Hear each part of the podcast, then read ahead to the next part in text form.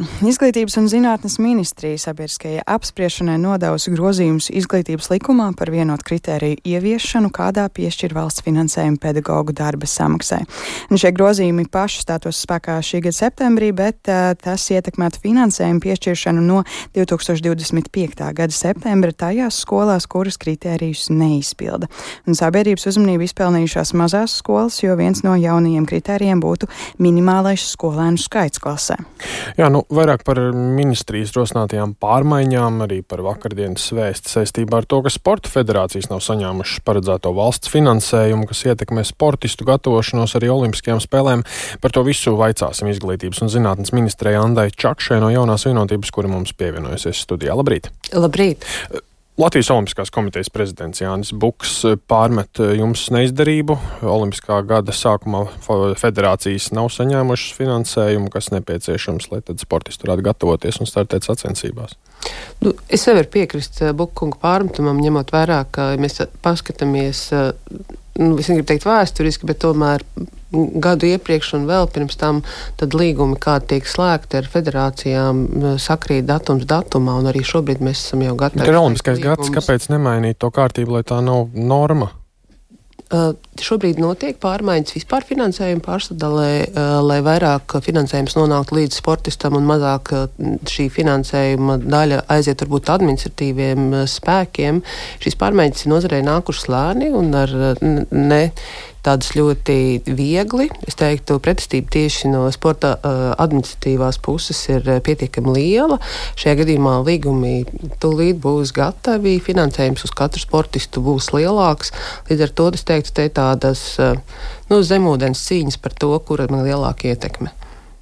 Bet uh, ko darīt uh, šobrīd uh, sportistiem, kuriem ir jādodas uz sacensībām, kuras tā skaitā ir arī kvalifikācijas sacensības Olimpiskajām spēlēm, jo nu, viņiem to finansējumu vajag šobrīd? Vai tas ir normāli, ka viņi meklē savos maciņos vai kaut kur aizņemties? Es teiktu, tā ziņas par to, ka viņiem ir jāmeklē savos maciņos, ir pārspīlētas. Kā jau es teicu, šie līgumi tiek slēgti gada no gada vienos datumos, un šī ziņa šobrīd ir pārspīlēta par to, ka sportistiem nav nodrošināts finansējums. Tāda riska nav tāda riska nav. Olimpisko sniegumu tas neietekmē. Tas neietekmēs nekādā veidā olimpisko sniegumu. Tā, tā ir mūsu atbildība, lai šis finansējums tiešām tur nonāktu. Un es aicinātu arī Buka kungu sēsties pie galda, nevis taisīt populistiskus izgājienus. Neizklausās, ka jums ir labas attiecības.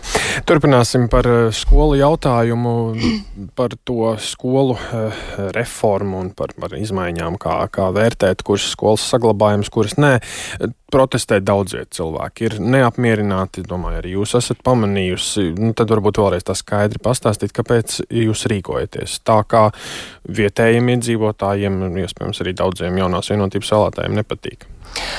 Nu, man liekas, ka jāsāk no, no tās vietas, ka jāsaprot, kas ir, kas ir tas mūsu resurs, cilvēku resurs kopumā Latvijā, kas ir tā, tas mūsu zelts. Un es teiktu, ka bērni un uh, smadzenes vai tas, kā mēs varam attīstīties, kā Latvija lielā mērā saistīts ar mūsu spēju iedot labu izglītību bērniem. Mēs iepriekš ziņās dzirdējām par to, kā Ukraina šobrīd runā par tehnoloģisko attīstību. Tehnoloģiskajai attīstībai ir vajadzīgas labas zināšanas. Tām pamatā ir laba izglītība. Un tad, kad mēs skatāmies uz saviem rezultātiem, rezultātiem dažādos mērījumos, gan iekšējos, gan tajos, ko mums novērtē OECD caur PISA un lasīt prasmes pētījumiem, mēs redzam, ka šie radītāji ir būtiski pasliktinājušies, un tā atšķirība iezīmējas dažāda, dažādās situācijās, dažādās pašvaldībās dažādi, bet mēs redzam, ka rādītāji atšķiras starp lauku teritorijā izvietotām skolām un pilsētās izvietotām skolām.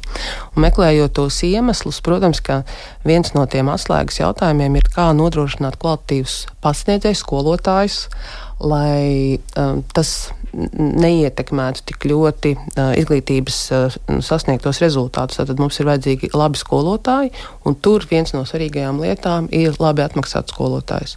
Šobrīd finansēšanas modelis, kas uh, ir balstīts uz uh, viena nu, uz bērnu skaitu pašvaldībā, lielā mērā nosaka to, ka demografiskā situācija vai tātad bērnu skaits pašvaldībā rada nevienlīdzīgu situāciju gan pašiem bērniem, gan skolotāju atalgojuma ziņā. Un, uh, jaunizveidotais modelis ir veidots ar domu, lai šī nevienlīdzība tiktu izlīdzināta. Tātad, ja mēs skatāmies šobrīd uz teritoriju, uh, kur ir ļoti maz bērnu, tas nozīmē, ka tur līdzi iet mazāks finansējums salīdzinot, vai teiksim, teritorijā 30, 300 vai 3000 bērnu. Attiecībā arī finansējums ir citādāks, un skolotājiem var samaksāt mazāk un piesaistīt skolotāji strādā, tur ir daudz, daudz grūtāk. Bet jūs šausmīgi steidzaties ar šo reformu tā pārmetu. Kāpēc tik ātri? Um, ja jūs sakat, 30 gadi ir steiga, tad droši vien mums ir atšķirīga izpratne par ātrumu. Eh, ja mēs raugamies uz to, kad, eh, kad ir eh, likumā noteikts deleģējums par to, ka pašvaldībām ir atbildība gan par pieejamību, gan kvalitāti, un, raugamies uz pašvaldībām, kā piemēram Jāgaunas pilsēta stāsta savu stāstu, kuri no 18. gada veids šīs pārmaiņas. Tādas iespējas ir bijušas visām pašvaldībām, un to arī dara uh, daudz pašvaldības. Ja, uh, nu jau, ja mēs raugamies uz 23. gadu, ir 52 lēmumi pieņemti dažādās pašvaldībās par izglītības iestāžu uh, pakāpju maiņu vai to, kā organizēt savu darbu skolu ekosistēmā, lai tur būtu ieguvums uh, bērniem. Šobrīd tas, ko mēs darām, liekam klāt vēl šo jauno finansēšanas modeli, lai tiešām izlīdzinātu bērnu iespējas un taisnīgāk samaksātu arī skolotājiem. Kā šī finansēšanas kārtība un vai šīs izmaiņas ietekmē privātskolas, arī tas ir karsts jautājums šobrīd, kas interesē daudzus. Jā, ja mēs raugamies uz to, ka šis ir publiskais finansējums, tad uh, tieši tāpatās kā bērni mācoties publiskā skolā, tāpatās privātā skolā saņem finansējumu no publiskiem līdzekļiem, tātad no valsts budžeta. Šīs skolotāja algu dotācija nāk no valsts budžeta. Tad kritēriji, pēc kādiem tiks nodot šis finansējums, ir salīdzināmi ar to, kā tas ir publiskajā sektorā. Jo tieši tāpatās, lai privātā skola varētu strādāt, viņi tāpat iziet akreditāciju akreditāciju, jo šis diploms ir salīdzināms. Tā nav kaut kāda ārpus visas sistēma. Tātad uh, arī privātā skola strādā izglītības sistēmas kontekstā. Atšķiras tikai īpašnieks.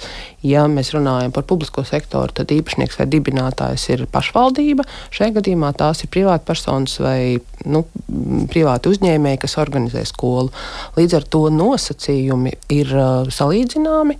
Ja mēs raugamies uz, uh, bieži vien jautājums ir par vidējās izglītības posmu, tad uh, tie kriteriji ir piemēroti mm, tā kā zemākā, zemāk apdzīvotās teritorijās, vidējās izglītības posmām, privātā sektorā, bet kopumā tie ir salīdzināmi. Tas nozīmē, ka tās mazās klases, kuras ir izveidotas mazas, lai it kā uzlabotu šo izglītības kvalitāti, varētu mainīt savus izmērus arī privātajā sektorā.